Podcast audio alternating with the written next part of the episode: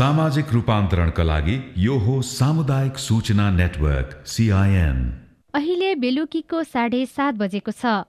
सामुदायिक सूचना नेटवर्क सिआइएनबाट अब प्रसारण हुँदैछ साझा खबर।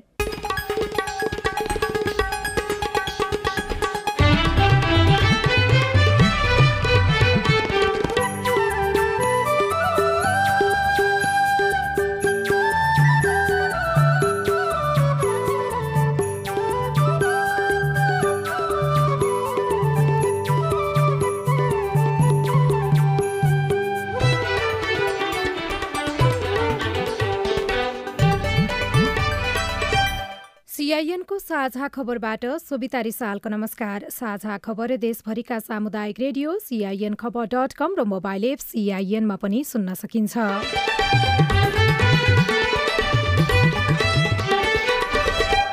चुनावी टिकटको विषयलाई लिएर काङ्ग्रेसभित्र सुरु भएको विवाद थप बढ्यो। कोइराला समूहको धरना पार्टी मुख्यालय सानेपामा चालिस प्रतिशत सहभागिता अनिवार्य दिन माग। पार्टीभित्र शक्ति सन्तुलन निर्माण गरेको छ। तिनीहरूको मतलाई पनि समान ढङ्गले चालिस प्रतिशत पाउनुपर्छ भन्ने मूल्य र मान्यताका साथ हामीले त्यो कुरालाई अगाडि बढाएरै गरेका हौँ। नेपालमा डेङ्गीका कारण मृत्यु हुनेको संख्या छत्तीस पुग्यो। दोहोऱ्याएर डेङ्गी भएकाहरू थप जोखिममा रेबिज रोगका कारण नेपालमा वर्षेनी डेढ सयको मृत्यु। अबको आठ वर्षमा रेबिजबाट मृत्यु हुनेको संख्या शून्यमा झार्ने सरकारको लक्ष्य चुनौतीपूर्ण। रेबिज विरुद्धको जुन खोप छ त्यो चाहिँ जति सक्दो चाँडो लाउने हो। जस्तै यहीँ हिँड्दा हिँड्दै टोकेको छ अस्पताल नजिक भने चाहिँ तुरन्त आएर लाउनुपर्छ। त्यसले गर्दाखेरि चाहिँ जति सक्दो चाँडो चाहिँ लगाउने हो। राजस्व परामर्श विकास समिति गठन आदेश दुई हजार छयत्तरलाई खारेज गर्ने सरकारको निर्णय दशैं नजिकिँदै गर्दा महँगी बढ्यो। महँगीकै कारण यसपालि बजारमा चहल पहल कम। अब रोजगार नभएर हो के भएर हो होइन? तर पहिला जस्तो चाहिँ त्यस्तो साह्रो दसैँको माहौल त्यस्तो छैन हौ चहलपहल सन्तोषजनक चाहिँ छैन। र भारतको उत्तर प्रदेशमा सवारी साधन दुर्घटना हुँदा छजनाको मृत्यु। नेपाली राष्ट्रिय फुटबल टोलीका मुख्य प्रशिक्षक अल्मु ताइरीको राजीनामा स्वीकृत।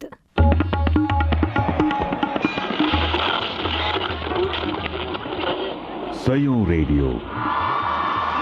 हजारौं रेडियो कर्मी र करोडौं नेपालीको माझमा यो हो सामुदायिक सूचना नेटवर्क सिआइएन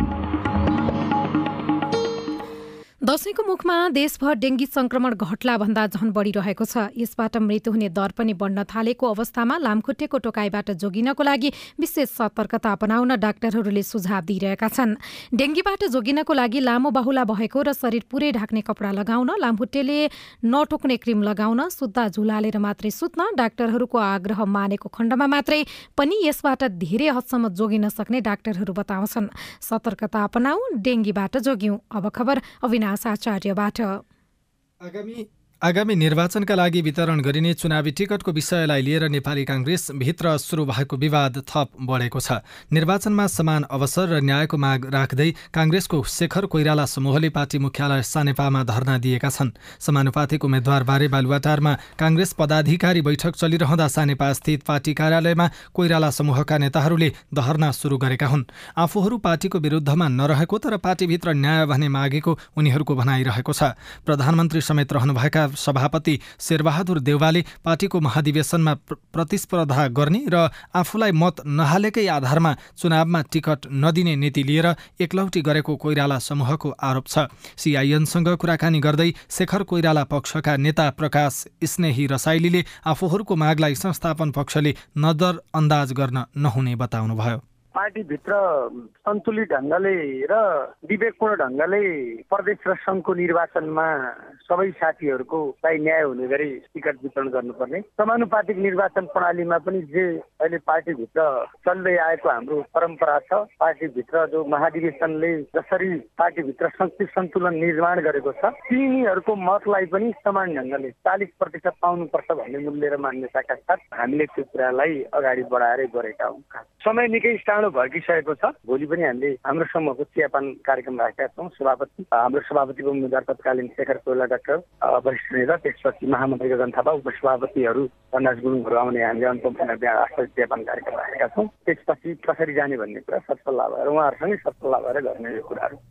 अस्ति सोमबार बसेको गुटको बैठकले पार्टीभित्रको एकता समान अवसर र न्यायको सुनिश्चितता नभए सङ्घर्ष गर्ने निर्णय गरेको थियो।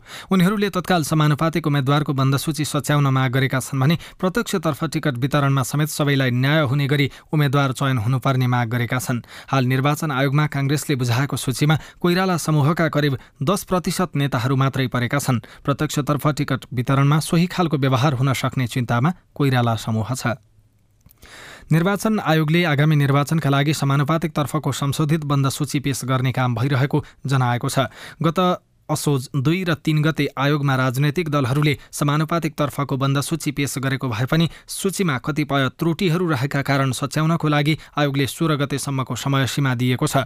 जसअनुसार हालसम्म नौवटा राजनैतिक दलले संशोधित बन्द सूची पेश गरेको आयोगका निर्वाचन अधिकृत विश्वप्रकाश अर्यालले सिआइएनसँग बताउनुभयो। दुई र तिन गते हामीले बन्द सूची पेश गर्ने भन्ने थियो होइन? उहाँहरूले पेश गरे बन्द सूची उहाँहरूकै अगाडि राखेर हामीले चेक गरियो। कुनै चाहिँ उहाँहरूको चाहिँ बन्द सूचीमा क्लस्टर नमिल्या हुन्छ कुनै कुनै चाहिँ डकुमेन्ट पुग्या हुँदैन होइन? अनि त्यसलाई चाहिँ उहाँहरूले चाहिँ त्यसलाई चाहिँ संशोधन गरेर त्यसलाई सबै चाहिँ डकुमेन्ट पुऱ्याएर उनीहरूले चाहिँ फाइनल फाइनल बन्द सूची पेश गर्नुहुन्छ। त्यसको लागि टाइम दिएको थियो। त्यो अनुसार आज पनि उहाँहरूले संशोधित बन्द सूची उहाँहरूको चाहिँ सेड्युलमा पर्या दलहरूले बुझाइराख्नु भएको छ अहिलेसम्म कतिवटा दलहरूले चाहिँ संशोधित बन्द सूची पेश गरिसक्नु भइसक्यो? अहिलेसम्म नौवटा दलहरूले गर्नुभएको छ राष्ट्रिय मान्यता प्राप्त दलहरूले पनि बुझाइसक्नु भएको अवस्था हो कि? राष्ट्रिय मान्यता प्राप्त दललाई हामीले पन्ध्र गति बोलाएको छौँ। कतिवटा दलहरूको चाहिँ क्लस्टर नपुग्या नमिला त्यस्तो खालको देखिएको थियो? प्राय सबै जस्तोको केही न केही नमिलेको थियो। राष्ट्रिय प्रजातन्त्र पार्टीका अध्यक्ष राजेन्द्र लिङदेनले आगामी चुनावबाट आफ्नो पार्टी पहिलो बन्ने दावी गर्नुभएको छ। आज रविन्द्र मिश्र नेतृत्वका केही नेता कार्यकर्ता राप्रपामा प्रवेश गरेको अवसरमा आयोजित कार्यक्रममा उहाँले नागरिकले विश्वासिलो विकल्प खोजिरहेको र राप्रपा विकल्प रहेको दावी गर्नुभयो। राप्रपाले धेरै सिट ल्याउने मात्र नभई पहिलो सिट ल्याउने पार्टी बन्ने उहाँको दावी रहेको थियो। हामीले यो एक महिनाभित्रमा विश्वस्त ढङ्गले आफ्नो क्रियाकलापहरूलाई अगाडि बढाउन सक्यौँ भने राष्ट्रिय प्रजातन्त्र पार्टी आउने संसदमै पहिलो पार्टी बन्न सक्छ। त्यसपछि तपाईँको नेताको अगाडि दुईवटा विकल्प बाँकी रहन्छ। एउटा त अब यस्तो धन्दा नचल्ने भयो भनेर छोडेर हिँड्ने अर्को जनता बाठो भयो नसुध्रिकन हुँदैन भनेर सुध्रिएर जाने। उहाँहरू सुध्रियो भने पनि यो अब छोडेर हिँड्यो भने पनि देशलाई फाइदा हुन्छ। मतदाताले विश्वासिलो विकल्प खोजिरहेको र विकल्प खोजिरहेका मतदाताको नजरमा राप्रपा परेको पनि लिङदेनको भनाइरहेको थियो। उहाँले देशका एकसट्ठी एक सय पैँसठीवटै प्रतिनिधि सभा निर्वाचन क्षेत्र र तीन सय तिसवटै प्रदेशसभा निर्वाचन क्षेत्रमा उम्मेद्वारी दिने पनि जानकारी दिनुभयो। चार मङ्सिरको चुनावमा काङ्ग्रेस एमाले र माओवादी केन्द्रका नेताहरूले नै राप्रपालाई मत दिने लिङदेनको दावी थियो। नेपालमा डेङ्गी रोगका कारण मृत्यु हुनेको सङ्ख्या छत्तिस पुगेको छ। स्वास्थ्य तथा जनसङ्ख्या मन्त्रालयका अनुसार हालसम्म देशभर सत्ताइस हजारभन्दा बढी मानिस डेङ्गी सङ्क्रमित भइसकेकोमा छत्तिस जनाको मृत्यु भएको हो। नेपालमा डेङ्गी रोगका कारण मृत्यु हुनेको सङ्ख्या बढ्दै गएकोमा स्वास्थ्य विज्ञहरूले चिन्ता व्यक्त गरेका छन्। यसअघि दुई हजार छिहत्तरमा देखिएको डेङ्गी रोगका कारण सातजनाको मात्रै मृत्यु भएको सरकारले बताएको थियो यसपटक भने मृतकको सङ्ख्या अत्यधिक बढेकोमा विज्ञहरूले चिन्ता व्यक्त गरेका हुन्। सिआइएनसँग कुराकानी गर्दै स्वास्थ्य विज्ञ डाक्टर भोजराज अधिकारीले दोहोऱ्याएर डेङ्गी लागेको खण्डमा थप जटिल हुने भएकाले सतर्कता अपनाउन आग्रह गर्नुभयो। एउटा मान्छेलाई पहिलोचोटि डेङ्गु लागेको भन्दा दोस्रोचोटि डेन्जर तेस्रोचोटि डेन्जर हुन्छ। त्यसो भएको हुनाले यी मानिसहरूमा पहिला नै कुनै कालखण्डमा जस्तो उन्नाइसमा या सोह्रमा दुईचोटि तिनचोटि डेङ्गु भइसकेको रहेछ भने अहिले गम्भीर भएर मृत्यु हुने चान्स बढ्छ। प्लेटलेट घट्ने त डेङ्गुमा पहिला पहिला नै हुन्थ्यो। तर अहिले चाहिँ सेतो रगत पनि घटेको देखिएको छ। अब यो सेतो रगतले रोगसँग लड्ने क्षमता बढाउने हो। त्यो सेतो रगत चाहिँ नर्मल भ्यालु चार हजारदेखि एघार हजार हो। यो चाहिँ एक हजार मात्रै पनि भेटियो। त्यो भनेको एकदम आइसियुमै राखेर गम्भीर ढङ्गले उपचार गर्नुपर्ने बिरामी हुन्। जसले घरमा बस्दा त्यो कुरा थाहा पाउँदैनन्। किनभने डब्लुबिसी घटेको कुरा घरमा ल्याब चेक नगरी थाहा हुन्न। जसले गर्दा उनीहरू अलि अप्ठ्यारै भइसकेर त्यो डब्लुबिसी लो भएको कारणले इन्फेक्सन निमोनिया भएर सिरियस भएर अस्पताल आएको भेटिएको छ जो मृत्यु भएका छन् उनीहरूमा। तेस्रो कारण चाहिँ अब डेङ्गुको प्रकृति नै पहिलाको तुलनामा गम्भीर भएको बिचमा कोभिडले गर्दा धेरैको रोगसँग लड्ने क्षमता कमजोर भएको हुनाले डेङ्गुले त्यसमा चाहिँ बढी क्षति गरेको हुनसक्छ आज कोरोना संक्रमणका कारण पनि एकजनाको मृत्यु भएको मन्त्रालयले जनाएको छ। सरकारले कोरोनाको जोखिम पनि कायमै रहेकाले सतर्क रहन आग्रह समेत गरेको छ। एक स्वास्थ्यको कार्यान्वयन रेबिजबाट शून्य निधान निधन नाराका साथ आज विश्व रेबिज दिवस मनाइएको छ। सन् दुई हजार तिससम्म नेपालमा रेबिजबाट मृत्यु हुने सङ्ख्या शून्यमा झार्ने सरकारको लक्ष्य छ त तर त्यो पूरा हुनेमा भने चुनौती देखिन्छ। सामान्यतया रेबिज लागेको जनावर वा कुकुरले मानिसलाई टोकेमा लाग्ने यो रोगका कारण मृत्युसम्म हुन सक्छ। रेबिज रोगका कारण विश्वभर दस हजारभन्दा बढीको मृत्यु हुने गरेको छ भने नेपालमा मात्रै वर्षेनी सयदेखि डेढ सयजनासम्मको मृत्यु हुने गरेको छ। रेबिज रोगबाट जोगिन के गर्ने? साथी स्नेहा कर्णले रेबिज रोगबारेका जानकार डाक्टर शेरबहादुर पुनलाई सोध्नु भएको छ। बुझ्नुपर्ने के छ भन्दाखेरि टोक्ने बित्तिकै टोकेको भागमा सबैभन्दा राम्रो चाहिँ रनिङ वाटर भन्छौँ जुन बगिरहेको पानी धारा खोल्दाखेरि जुन सर आउँछ त्यो। नभए पनि साबुन पानीले पन्ध्र मिनट जति घाउ सफा गर्न सक्यो भने त्यो जुन भाइरसहरू छ अधिकांश भाइरसहरू चाहिँ कम भएर जान्छ। र त्यो कम हुनु भनेको चाहिँ उसलाई रेबिज हुने सम्भावनाबाट धेरै हदसम्म चाहिँ कम गर्छौँ भन्ने हो। त्यसपछि चाहिँ अब पक्कै पनि हामीले खोपको आवश्यकता हुनसक्छ रेबिज लागेको जनावरले टोकिसकेपछि कति दिनसम्ममा खोप लगाइहाल्दा हाम्रो ज्यान जोगिन सक्छ? रेबिज विरुद्धको जुन खोप छ त्यो चाहिँ जति सक्दो चाँडो लाउने हो। जस्तै यहीँ हिँड्दा हिँड्दै टोकेको छ अस्पताल नजिक भने चाहिँ तुरन्त आएर लाउनुपर्छ। त्यसले गर्दाखेरि चाहिँ जति सक्दो चाँडो चाहिँ लगाउने हो। ढिलाइ भनेको कहिले पनि हुँदैन। यसको एउटै कारण चाहिँ त्यसको लक्षण देखाउने समय फरक फरक हुने भएको हुनाले। कोही मान्छेले चाहिँ एक वर्षपछि लक्षण देखिँदै रहेछ भने उसले अब एक महिनापछि लाउँदा भने त उसको ज्यान त बच्ने भयो नि त। त्यो मानेमा चाहिँ हामीले पहिला त जति सक्दो चाँडो केही गरी कुनै कारणवश ढिलो भयो भने पनि ढिलो भयो भनेर बस्ने भने कि लगाउनु पर्ने। सरकारले नेपाल राजस्व परामर्श विकास समिति गठन आदेश दुई हजार छिहत्तरलाई खारेज गर्ने निर्णय गरेको छ। सूचना तथा संसार मन्त्री ज्ञानेन्द्र बहादुर कार्कीले हिजो बसेको मन्त्री परिषदको निर्णयबारे आज जानकारी दिँदै नेपाल राजस्व परामर्श विकास समिति गठन आदेश दुई हजार छिहत्तरलाई खारेज गर्ने निर्णय गरिएको जानकारी दिनुभयो। त्यस्तै सरकारले ऋण असुली न्यायीकरणको रिक्त कानून सदस्य पदमा कानून न्याय तथा संसदीय मामिला मन्त्रालयका उपसचिव जङ्गबहादुर डाङ्गीलाई नियुक्त गरेको छ। बैठकले कास्की जिल्लास्थित करुवा सेती जलविद्युत आयोजना बत्तीस मेगावाट निर्माणका लागि राष्ट्रिय वन क्षेत्र प्रयोग गर्न दिने निर्णय गरेको छ। त्यस्तै गोर्खा जिल्लास्थित मध्यपुर सुपर दरौदी खोला जलविद्युत आयोजना दस मेगावाट निर्माणका लागि समेत राष्ट्रिय वन क्षेत्रको प्रयोग गर्न दिने निर्णय गरेको मन्त्री कार्कीले बताउनुभयो। बैठकले कचना कञ्चनजङ्घा पर्यटन विकास समितिको अध्यक्ष र कार्यकारी निर्देशकलाई पदबाट हटाउने निर्णय पनि गरेको छ। साझा खबरमा अब विदेशका खबर भारतको उत्तर प्रदेशमा सवारी दुर्घटना हुँदा छजनाको मृत्यु भएको छ। उत्तर प्रदेशको लखिमपुर खिरी जिल्लामा आज बिहान निजी बस दुर्घटना हुँदा तेह्रजना गम्भीर घाइते भएका छन्। घाइते सबैको स्थानीय अस्पतालमा उपचार भइरहेको छ। इरानमा बाइस वर्षका महसा अमिनीको मृत्युको विरोधमा विश्वका विभिन्न मुलुकमा प्रदर्शन सुरु भएको छ। प्रहरी हिरासतमा महसाको मृत्यु भएको विरोधमा अमेरिकी क्यानाडा अमेरिका क्यानाडा फ्रान्स बेलायत टर्की लगायतका मुलुकमा प्रदर्शन सुरु भएको अन्तर्राष्ट्रिय सञ्चार माध्यमहरूले खबर लेखेका छन्। मुस्लिम समुदायका महिलाहरूले लगाउने हिजाब सम्बन्धी नियम उल्लङ्घन गरेको भन्दै प्रहरीले नियन्त्रणमा लिएका बेला अमिनीको सोह्र सेप्टेम्बरमा मृत्यु भएको थियो। अनि खेल खबरमा नेपाली राष्ट्रिय फुटबल टोलीका मुख्य प्रशिक्षक अब्दुल्ला अल्मुताइरीको राजीनामा स्वीकृत भएको छ। इन्फा कार्य समितिले अल्मुताइरीले दिएको राजीनामा स्वीकृत गरेको हो र मालदिप्समा जारी सावा महिला बास्केटबल च्याम्पियनसिपमा नेपालले दोस्रो जित निकालेको छ। मालदिप्सको राजधानी मालेमा आज भएको खेलमा भुटानलाई पैँसठी छब्बिसले हराउँदै नेपालले जित हात पारेको हो। अविनाश आचार्य।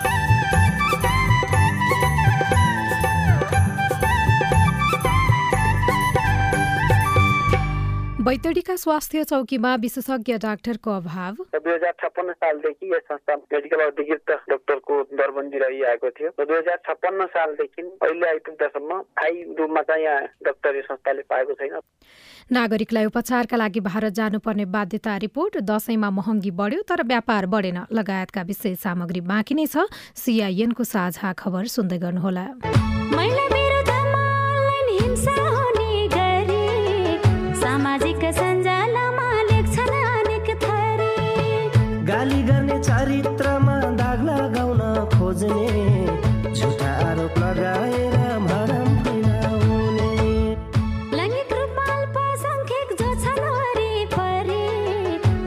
थरी हिंसा गर्छन् होच्याउने गरी।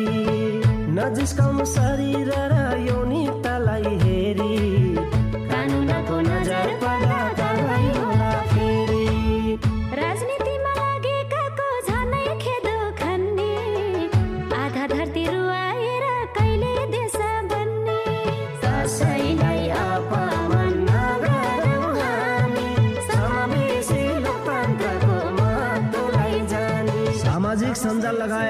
अनलाइनमा हुने मिथ्या समाचार दुष्प्रचार र घृणा जन्ने अभिव्यक्ति कानुनी रूपमा दण्डनीय छ। अनलाइन हिंसा नगरौँ र नसहौँ। युएसएआइडी र एनडिआई नेपालको आर्थिक तथा प्राविधिक सहयोगमा पर्पल फाउन्डेसनको चेतनामूलक सन्देश।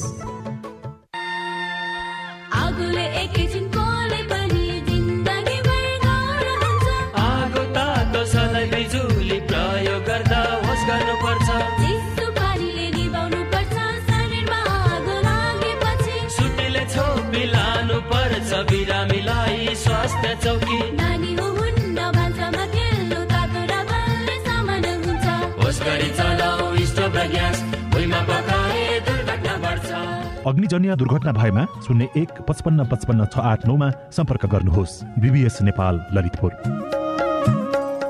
सामाजिक रूपान्तरणका लागि यो हो सामुदायिक सूचना नेटवर्क सिआइएन तपाईँ सामुदायिक सूचना नेटवर्क सिआइएनले तयार पारेको साझा खबर सुन्दै हुनुहुन्छ। राष्ट्रिय मानवाधिकार आयोगले राजनैतिक दलका घोषणापत्रमा मानवाधिकारका विषयमा समावेश गर्न आग्रह गरेको छ। आयोगले आज विज्ञप्ति निकालेर आगामी निर्वाचनका लागि घोषणापत्र निर्माण गर्ने क्रममा रहेका दलहरूलाई घोषणापत्रमा मानवाधिकारको विषय समावेश गर्न आग्रह गरेको हो।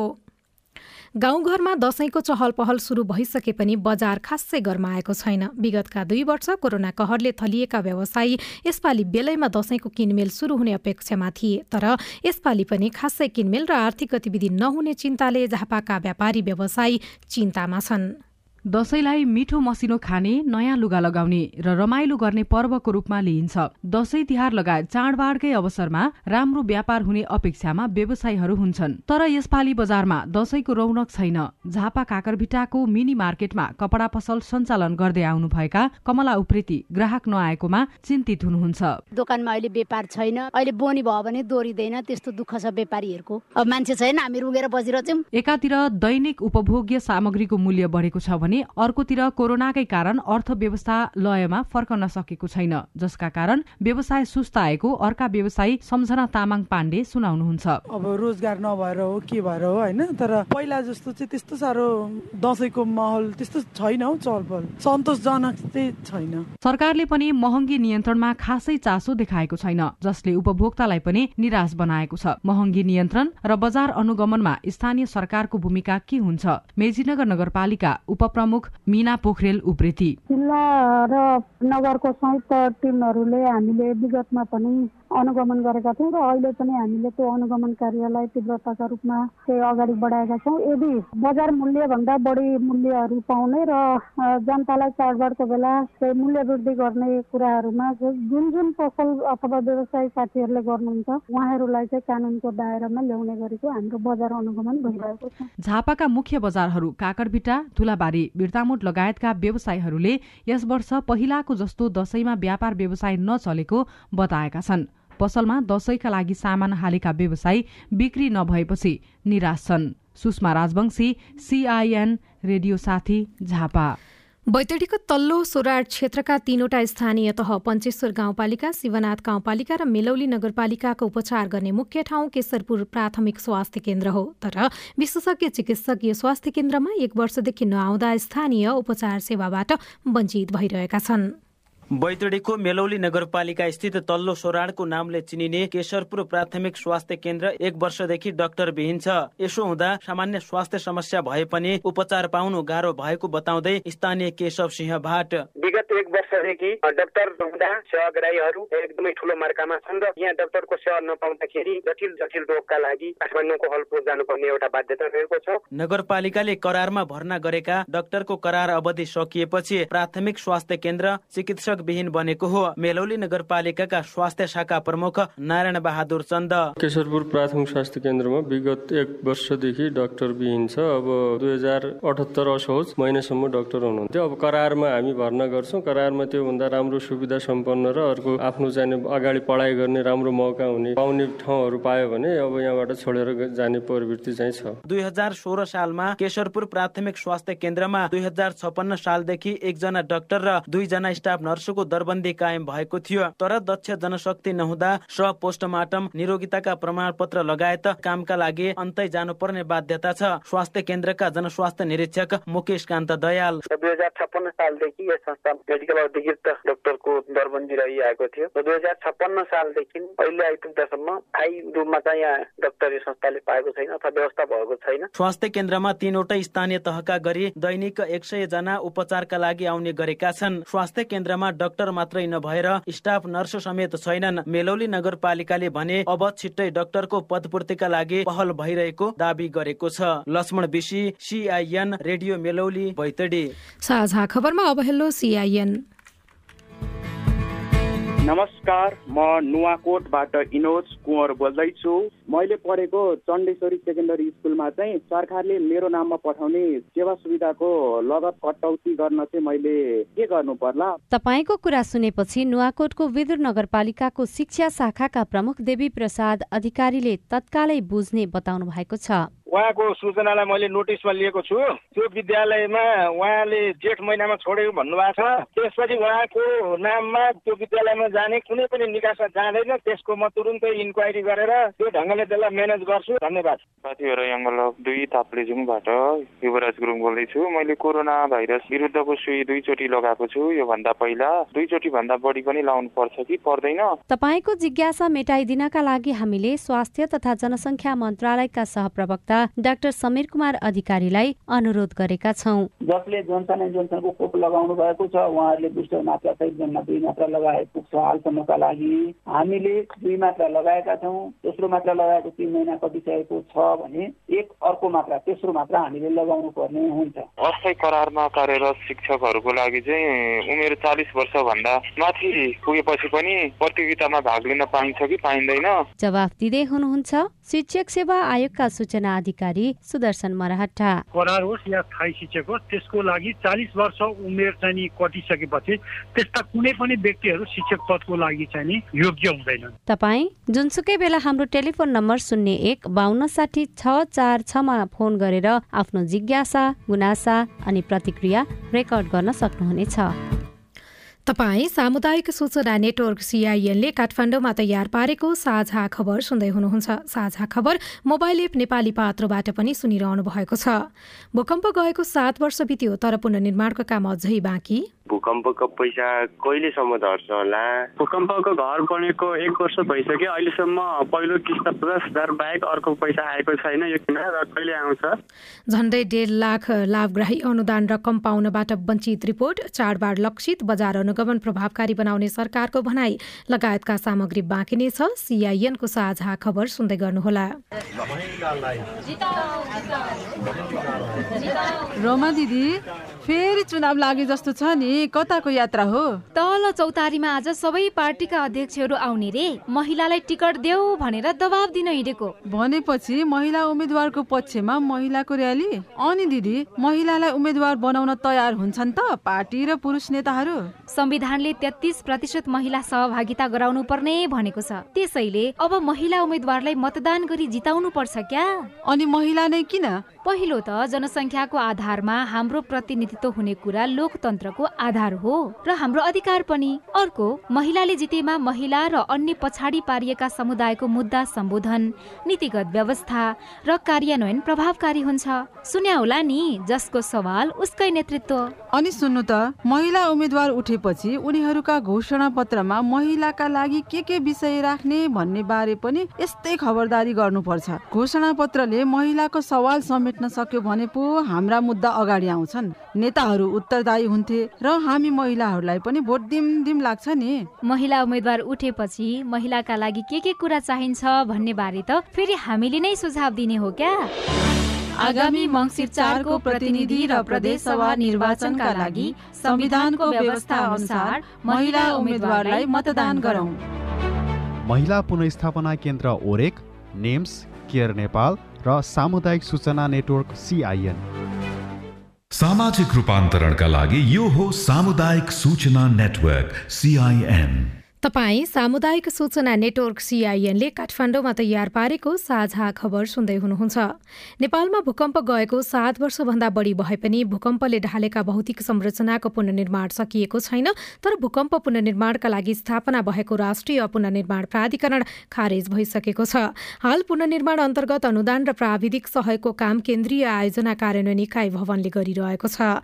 इकाइका अनुसार अझै एक लाख चालिस हजार भन्दा बढी लाभग्राहीले अनुदान रकम पाउन सकेका छन्। छैनन्। भक्तपुरका लक्ष्मी प्रसाद बुढाले प्राविधिकको सल्लाहमा भूकम्प प्रतिरोधी घर निर्माण गर्नुभयो। घर निर्माण सम्पन्न भएको एक वर्ष बितिसक्दा पनि अनुदान बापतको रकम भने पाउनु भएको छैन। नक्सा पास गरी बनाएको घरको आजसम्म पनि राहत रकम प्राप्त हुन सकेको छैन। यो राहत रकम कहिलेसम्म पाउँछु होला? देशभरका करिब एक लाख चालिस हजार भन्दा बढी भूकम्प प्रभावितले अनुदान बापतको रकम पाएका छैनन्। खास गरी भूकम्पबाट अति प्रभावित चौध सहित एकतिस जिल्लामा पुननिर्माणका लागि भन्दै स्थापना गरिएका तेइस कार्यालय खारेज गरिएको छ भने प्राविधिकलाई समेत हटाइएको छ। यस्तोमा भूकम्प प्रभावित भने अन्यलमा परेका छन्। भूकम्पको पैसा कहिलेसम्म झर्छ होला? भूकम्पको घर बनेको एक वर्ष भइसक्यो। अहिलेसम्म पहिलो किस्ता पचास हजार बाहेक अर्को पैसा आएको छैन यो किन र कहिले आउँछ? मेरो पहिलो किस्ता चाहिँ ल्याइसकेको छ रातको। दोस्रो तेस्रो किस्ता चाहिँ आउँदैन। अनि अब त्यो कहिले आउँछ? गत आर्थिक वर्षको असार मसान्तसम्म सरकारले करिब एक अर्ब अस्सी करोड रुपियाँ बराबरको अनुदान रकम लाभग्राहीलाई दिनुपर्ने थियो। तर रकम अभाव भएपछि वितरण गरिएको छैन। केन्द्रीय आयोजना कार्यान्वयन इकाइ भवनका निर्देशक कोशनाथ अधिकारी असार पन्ध्र गतेसम्म घर निर्माण प्रगतिसहितको कागजात पेश गरेकाले मात्रै अनुदान रकम पाउने बताउनुहुन्छ। अन्तिम पटकका लागि असार पन्ध्रभित्र प्रमाणीकरण भएको फाइललाई मात्रै भुक्तानी गर्ने भनेर भएको छ। बजेट अभावले गर्दा भुक्तानी दिन सकिएन। त्यसैले गर्दा यो आर्थिक वर्ष चाहिँ त्यसरी प्रमाणीकरण भएकालाई भुक्तानी गर्ने ब्याज थपिदिनु भनेर क्याबिनेटमा प्रस्ताव पठाएको छ। पुनरावेदन प्रक्रियाबाट लाभग्राही बन्नेहरूको हकमा भने यो आर्थिक वर्षभरि पुननिर्माण गर्न पाउने अवधि तोकिएको छ। पुनरावेदन समितिको समयसीमा रहेको पुस नौ गतेसम्म पुनरावेदन प्रक्रियाबाट कायम हुनुपर्ने लाभग्राही छनौट गरिसकिनेछ। राष्ट्रिय पुनर्निर्माण प्राधिकरणका पूर्व प्रमुख कार्यकारी अधिकृत डाक्टर गोविन्द राज पोखरेल पुनर्निर्माण सम्पन्न गर्न तीन तहकै सरकारले दायित्व लिनुपर्ने धारणा राख्नुहुन्छ। अन्तिममा नबन्ने अति विपन्न पिछडिएको वर्ग त्यहाँहरूलाई थप केही सुविधाका राहतका कार्यक्रम स्थानीय सरकार प्रदेश सरकार अथवा केन्द्रीय सरकारले घोषणा गरेर सम्बोधन गर्नुपर्छ। निजी आवास पुनर्निर्माणका लागि अनुदान रकम वितरण सहित प्राविधिक सहायता भने शहरी विकास मन्त्रालय अन्तर्गत धादिङ रामेछाप काठमाडौँ ओखलढुङ्गा लगायत नौ जिल्लामा रहेका स्थायी कार्यालयबाट गरिनेछ। पुरानो बाँकी रहेको भुक्तानी र पुनरावेदनबाट थपिने लाभग्राहीलाई गरी अझै तीन अर्ब रकम पुननिर्माणका लागि आवश्यक छ। जुन रकम सरकारसँग माग गरेको महिनौ बित्दा समेत प्राप्त भएको छैन जसले गर्दा झण्डै डेढ लाख लाभग्राही अनुदान रकम लिनबाट वञ्चित भएका छन्। उषा तामाङ सिआइएन काठमाडौँ। अब नजिकै गरेको चाडबाड र महँगी नियन्त्रणको प्रसङ्ग। चाडबाड नजिकिँदै गर्दा दैनिक उपभोग्य सामानको मूल्य स्थिर छैन। दसैँ तिहारको मौका छोपेर व्यापारीहरूले कतिपय सामग्रीको मूल्य बढाएका छन्। स्थानीय सरकारले बजार अनुगमन त गरेका छन् तर प्रभावकारिता कमजोर छ। यस्तोमा संघीय सरकार के गरिरहेको छ? साथी राजन रुचालले उद्योग वाणिज्य तथा आपूर्ति मन्त्रालयका सहप्रवक्ता उर्मिला केसीसँग कुराकानी गर्नुभएको छ। अहिले चाहिँ अब यो त हामी मात्रै भएनौँ। हाम्रो देश मात्रै अन्तर्राष्ट्रिय स्तरमै अब यो रसिया युक्रेनको वारले कारणले गर्दा अलिकति तेलको मूल्य ढुवानीमा वृद्धि भएको भएर मूल्य वृद्धि अलिकति भएको हो। तर सरकारले त दसैँ जस्तो चाडपर्वको मुखमा चाहिँ कम्तीमा पनि सर्वसाधारण निम्न वर्गका मान्छेहरूलाई राहत होस् सहुलियत होस् भनेर केही ख्याल गर्नुपर्ने होइन र? हो त्यसको लागि चाहिँ हामीले अहिले पछिल्लो पन्ध्र दिन यता चाहिँ सिरिज वाइज मिटिङहरू पनि बस्यौँ मान्य मन्त्रीज्यूको अध्यक्षतामा र अनि हाम्रा चाहिँ अब यो साल ट्रेडिङ कर्पोरेसन लिमिटेड खाद्य व्यवस्था तथा व्यापार कम्पनी लिमिटेड दुग्ध विकास संस्थानको बाट पनि अब उपभोक्तालाई राहत होस् भनेर चाहिँ सहुलियत दरका पसलहरू पनि देशव्यापी रूपमा सञ्चालन गरेका छौँ। साथै अब यो खाद्य व्यवस्था तथा व्यापार कम्पनी लिमिटेडले हाम्रो यो थापाथलीमा चाहिँ यो खसी बोकाहरू समेत चाहिँ सहुलियत दरमा बिक्री वितरण गर्ने व्यवस्था मिलाएका छौँ र आजबाट बिक्री सुरु पनि भइसक्यो। तर एउटा समाचार के आएको थियो भने त्यो सहुलियत भनिएको पसलबाट बाहिरभन्दा चाहिँ महँगोमा सामानहरू चाहिँ बिक्री भइराखेको छ भनेर समाचार आएको थियो। त्यसलाई कसरी खण्डन गर्नुहुन्छ? त्यस्तो त हुँदैन। त्यो त अब कतिपय अब नेपाल सरकारले गर्ने काम कारवाहीमा चाहिँ त्यस्तो फेक चाहिँ हुँदैन। बजार मूल्य नियन्त्रण गर्नकै लागि नै सरकारले सञ्चालन गरेको हो नि त। चुनावी टिकटको विषयलाई लिएर काङ्ग्रेसभित्र सुरु भएको विवाद थप बढेको छ। कोइराला समूहको धरना पार्टी मुख्यालय सानेपामा बसेको छ। चालिस प्रतिशत सहभागिता अनिवार्य दिन माग उनीहरूले गरेका छन्। नेपालमा डेङ्गीका कारण मृत्यु हुनेको संख्या छत्तिस पुगेको छ। रेबिज रोगका कारण नेपालमा वर्षेनी डेढ सयजनाको मृत्यु हुने गरेको छ। अवस्था। आजलाई साझा खबरको समय सकियो। प्राविधिक साथी सुभाष पन्तलाई धन्यवाद। भोलि असोज तेह्र गते बिहान छ बजेको साझा खबरमा फेरि भेटौँला। अहिलेलाई सोभितारी साल पनि बिदा हुन्छु। नमस्कार शुभरात्री।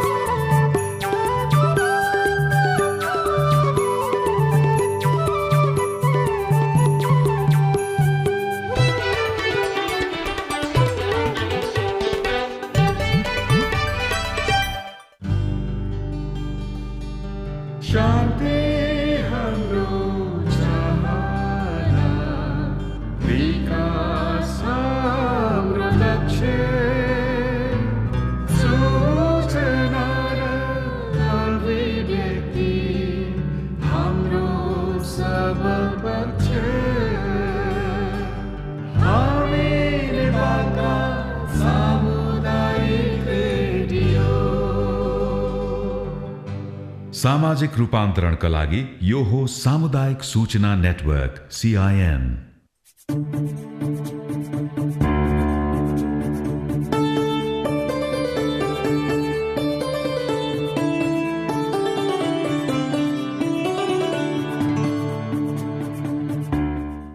नमस्कार। रेडियो कार्यक्रम साझा पहलमा तपाईँलाई हार्दिक स्वागत छ। म सुशीला श्रेष्ठ। अनि म राजन रुचाल। कार्यक्रम साझा पहल महिला लैङ्गिक अल्पसंख्यक अपाङ्गता भएका व्यक्ति र सीमान्तकृत समुदायमा सूचनाको पहुँच पुर्याउने उद्देश्यले तयार पारिएको कार्यक्रम हो। अहिले कोभिड उन्नाइस नियन्त्रणमा आएको जस्तो देखिएको छ तर यसले महिला तथा सीमान्तकृत वर्गमा आर्थिक सामाजिक तथा मानसिक रूपमा गहिरो प्रभाव छोडेर गएको छ। कार्यक्रममा हामी लैङ्गिक समानता र सामाजिक समावेशीकरण जेसीको दृष्टिबाट अब आउने कोभिड जस्ता महाव्याधि र विपदसँग सम्बन्धित प्रभावकारी तयारी प्रतिक्रिया र पुनः प्राप्तिको बारेमा छलफल गर्नेछौँ। लैङ्गिक समानता र सामाजिक समावेशीकरण दृष्टिकोण भन्नाले हामी यस कार्यक्रममा महिला सीमान्तकृत वर्ग बालबालिका ज्येष्ठ नागरिक अपाङ्गता भएका व्यक्ति एकल महिला लैङ्गिक अल्पसङ्ख्यक विभिन्न प्रकारका हिंसाबाट प्रभावित भएका महिला तथा किशोरी दीर्घरोगी गर्भवती तथा सुत्केरीका सवालहरूलाई प्राथमिकता दिनेछौँ। सँगै लैङ्गिक हिंसा तथा जातीय विभेद मानव बेचबिखनबाट प्रभावित भएका व्यक्तिहरू सामाजिक आर्थिक तथा नागरिक अधिकारबाट वञ्चित भएका व्यक्तिहरूको भोगाई उनीहरूका अपेक्षा पुनरुत्थानका लागि सरकारवालाले के गर्न सक्छन्? विज्ञ संघको परामर्श साथै सरकारका योजना लक्षित वर्गको पहुँच र कार्यान्वयनको अवस्थाबारे खोजी गर्नेछौ। साथै कोभिडबारे फैलिएका अफवाहहरू भ्रम र गलत जानकारीलाई सम्बोधन गर्दै विज्ञसँगको सवाल जवाफ पनि प्रस्तुत गर्नेछौँ र सबैको पहुँचमा आवश्यक सूचना पुर्याउने प्रयत्न पनि गर्नेछौँ। युएन ओमनको सहयोगमा ल्याक नेपाल र अकोराबको साझेदारीमा उत्पादन गरिएको रेडियो कार्यक्रम साझा पहल सिआइएन मार्फत सामुदायिक रेडियोबाट देशैभरि सिआइएन खबर डट कम र मोबाइल एप सिआइएनमा पनि चाहेको बेला तपाईँ विश्वभरि नै सुन्न सक्नुहुन्छ। साथै सिआइएनको फेसबुक पेजमा गएर साङ्केतिक भाषामा हेर्न पनि सक्नुहुनेछ।